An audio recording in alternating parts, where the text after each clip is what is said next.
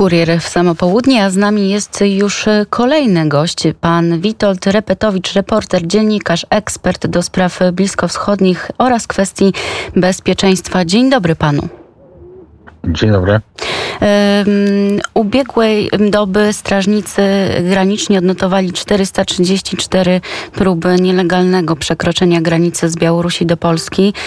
Ta sytuacja wydaje się być coraz bardziej e, skomplikowana. Czy widzi pan jakieś możliwości wyjścia e, z tego, co w tej chwili dzieje się na granicy z Białorusią? No ta e, sprawa będzie się jeszcze e, długo ciągnąć. Tutaj nie ma e, najmniejszych szans na to, żeby ona się zakończyła szybko.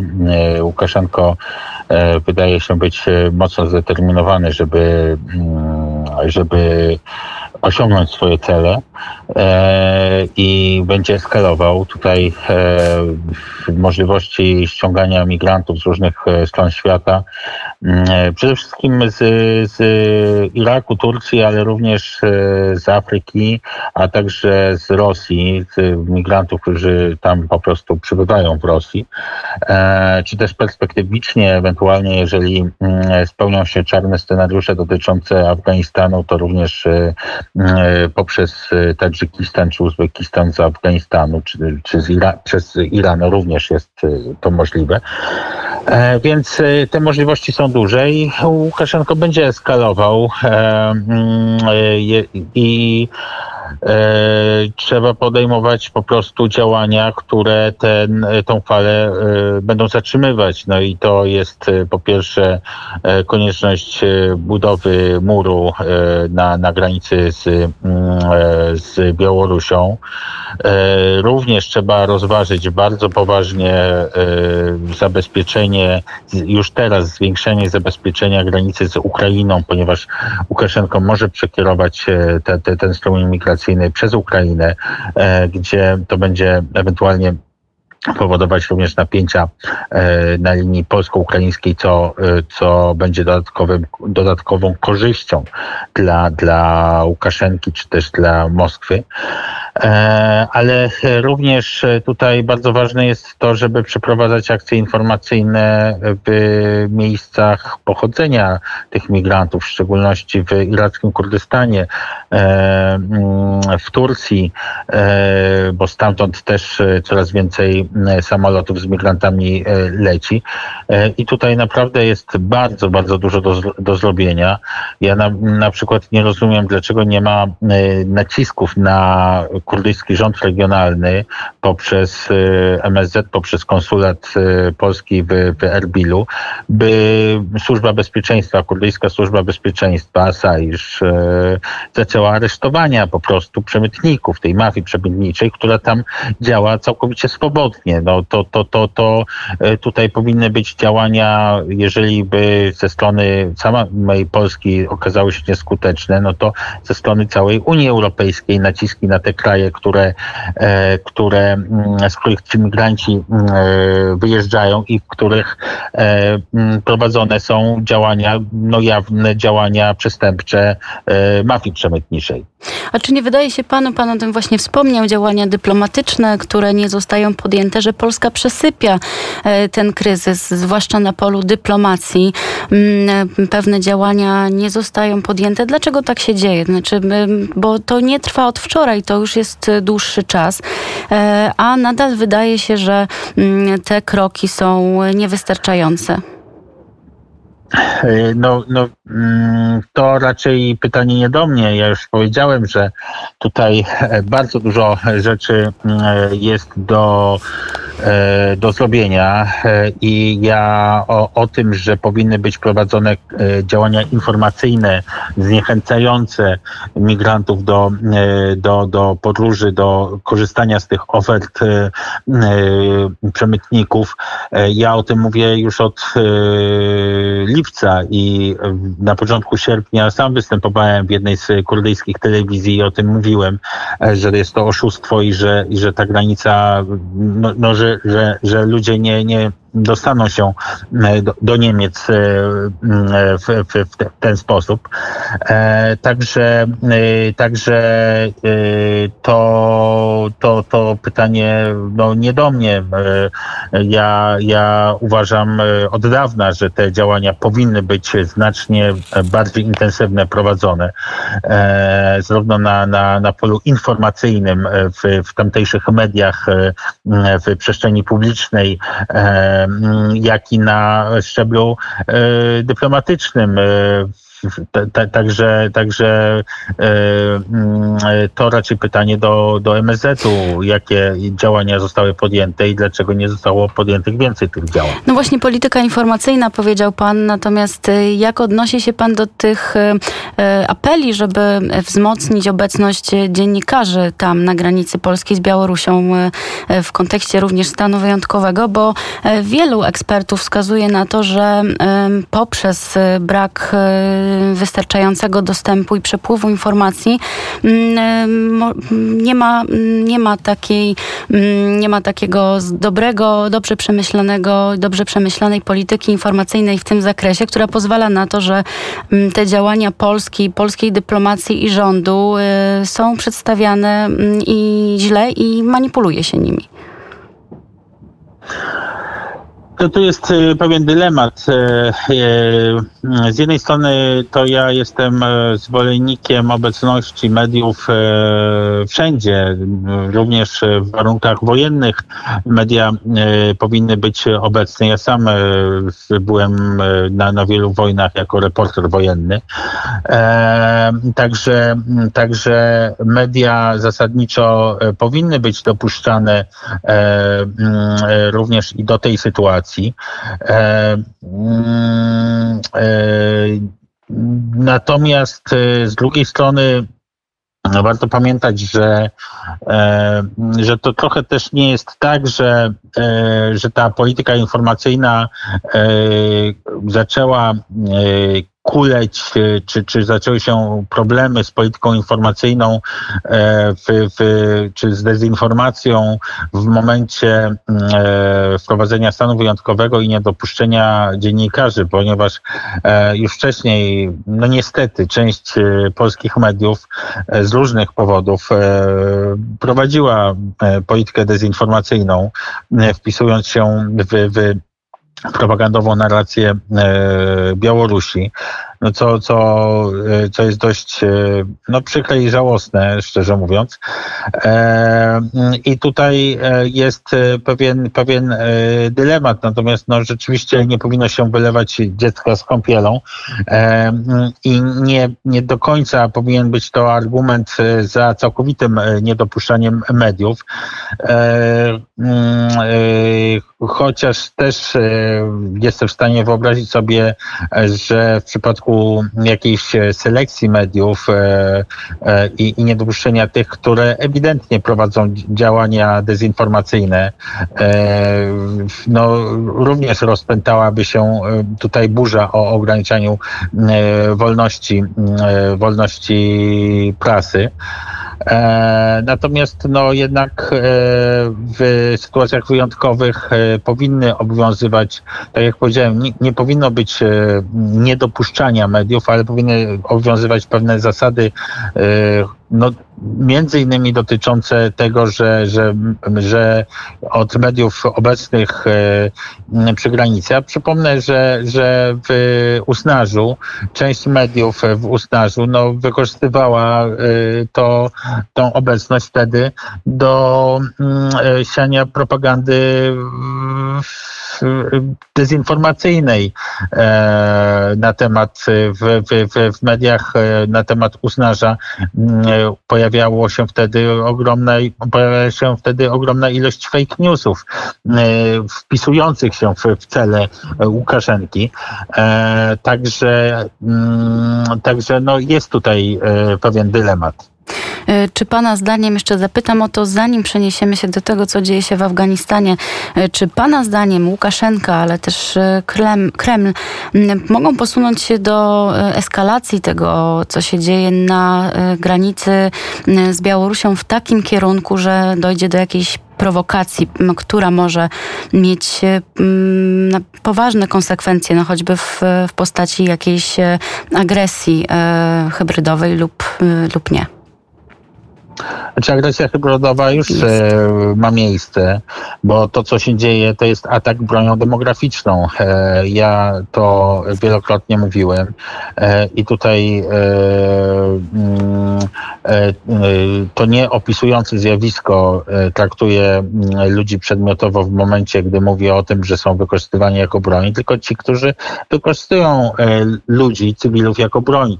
No w tym momencie to jest fakt, że migranci są używani przez y, mm, e, Łukaszenkę jako broń do ataku na Polskę, do ataku hybrydowego. E, także ten y, atak y, ma miejsce.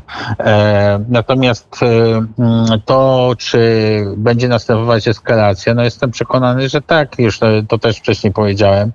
Mm, czy no tutaj informacje na tej ostatniej konferencji prasowej e, sprzed kilku dni ministra mm, Kamińskiego, ministra Błaszczaka, na której e, popełniono szereg błędów, ale które przyćmiły e, bardzo ważne informacje, które były tam podane, między innymi właśnie o prowokacjach e, ze strony funkcjonariuszy, funkcjonariuszy białoruskich, którzy prowokują polskich żołnierzy. No, też, też tutaj są bardzo niepokojące informacje o lotach dronów białoruskich po polskiej stronie granicy, śledzeniu polskich e, strażników granicznych. No, e, to, to, to wszystko powoduje, że nie można wykluczyć tego, że Łukaszenko po pierwsze będzie dążył do, do incydentu zbrojnego. Nie, nie, oczywiście nie mówię o, o jakiejś agresji, o wejściu wojsk białoruskich czy rosyjskich w głąb Polski i tak dalej, tak tylko mówię o, o, o tym, że na granicy padłyby strzały i ktoś by na przykład zginął lub został ranny. E, także także to, to, to, to e, myślę, że, że Łukaszenko dąży do takiej prowokacji, a nie, nie ulega najmniejszej wątpliwości, że Łukaszenko będzie eskalował, jeżeli chodzi o trupy na granicy, trupy migrantów, ponieważ to, to tutaj działa, e, jest e, podchwytywane e, przez część mediów i polityków w, w Polsce. No i, i, i, dlatego, i dlatego Łukaszenko będzie to eskalował.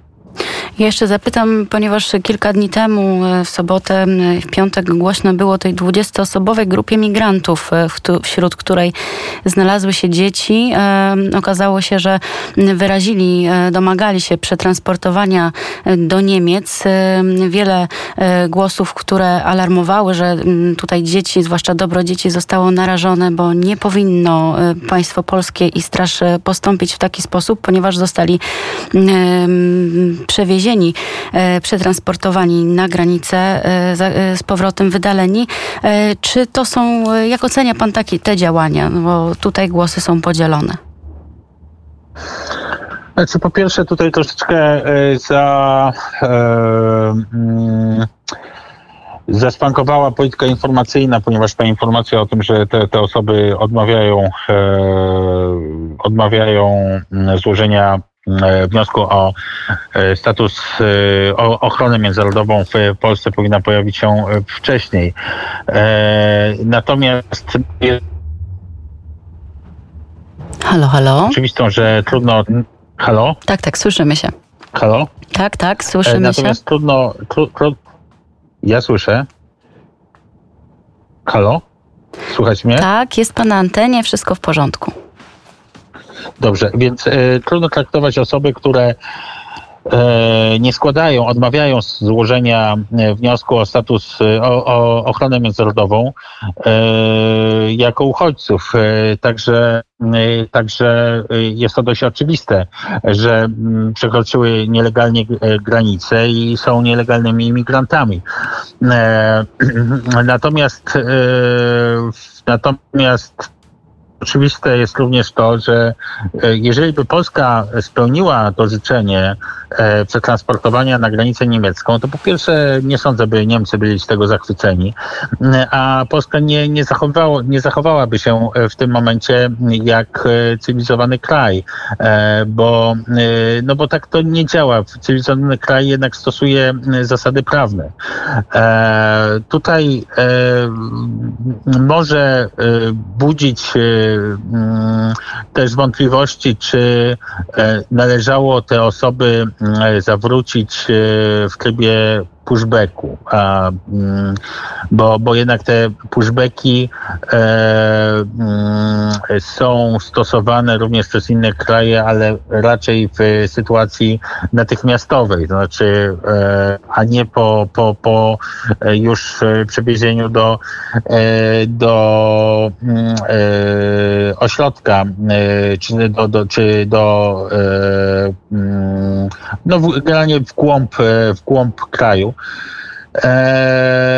mi, mi e, szczerze mówiąc, e, ja nie mam jednoznacznej opinii na ten temat, natomiast histeria, jaka została rozpętana wokół tej sprawy i również fake newsy, które były z tym związane, to znaczy, to znaczy no, informacje, że, że te osoby błagały o możliwość złożenia wniosku wniosku o status uchodźcy, podczas gdy tak nie było. No, no, no to jest, to jest, y, mm, to jest wpisywanie się w narrację y, i cele Łukaszenki, bo, bo taki przekaz y, chce przekazywać propaganda białoruska. Także, także tutaj, tutaj zresztą również szkoda, że mm, polskie władze nie e, w tej sytuacji powinno się e, uruchomić e, szybką ścieżkę deportacji, readmisji i, i, mm, i powinien być bardzo duży nacisk na władze Iraku oraz regionu Kurdystanu, żeby, żeby takie osoby szybko repatriować z powrotem do, do, do, do do domu, tak? E, teraz, e, mm, teraz, teraz bardzo krótka, e, jeszcze na koniec krótko o tym, co dzieje się w Afganistanie. Tak jak zapowiadaliśmy, dziś talibowie przekazali, że mm, ich siły zniszczyły kryjówkę komórki państwa islamskiego. To wiąże się z wczorajszym mm, atakiem na kabulski meczet. meczet. Czy na ten temat docierają już do Pana jakieś informacje, czy to faktycznie państwo islamskie stoi za tym, co wydarzyło się w niedzielę?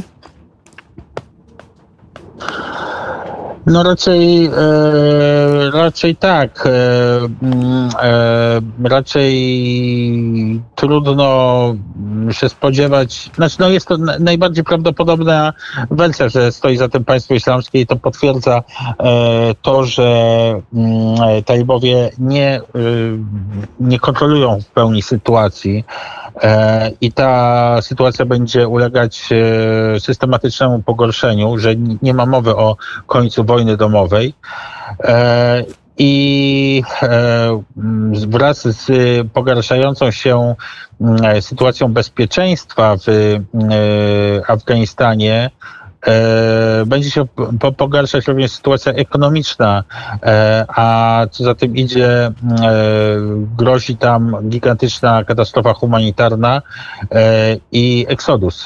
Także to, to, to, to są bardzo mm, złe informacje. Natomiast no, w, w pewnym w pewnym stopniu, że tak powiem, e, jest to korzystne z geopolitycznego punktu widzenia, no ponieważ e, niestabilny e, Afganistan to w tej chwili głównie problem sąsiadów, a tymi sąsiadami, znaczy mówię z perspektywy amerykańskiej, jest to korzystne, bo tymi sąsiadami są Iran, Chiny, no i Tadżykistan, który jest członkiem ODKB, czyli, czyli, czyli sojusz, sojuszu z Rosją na czele.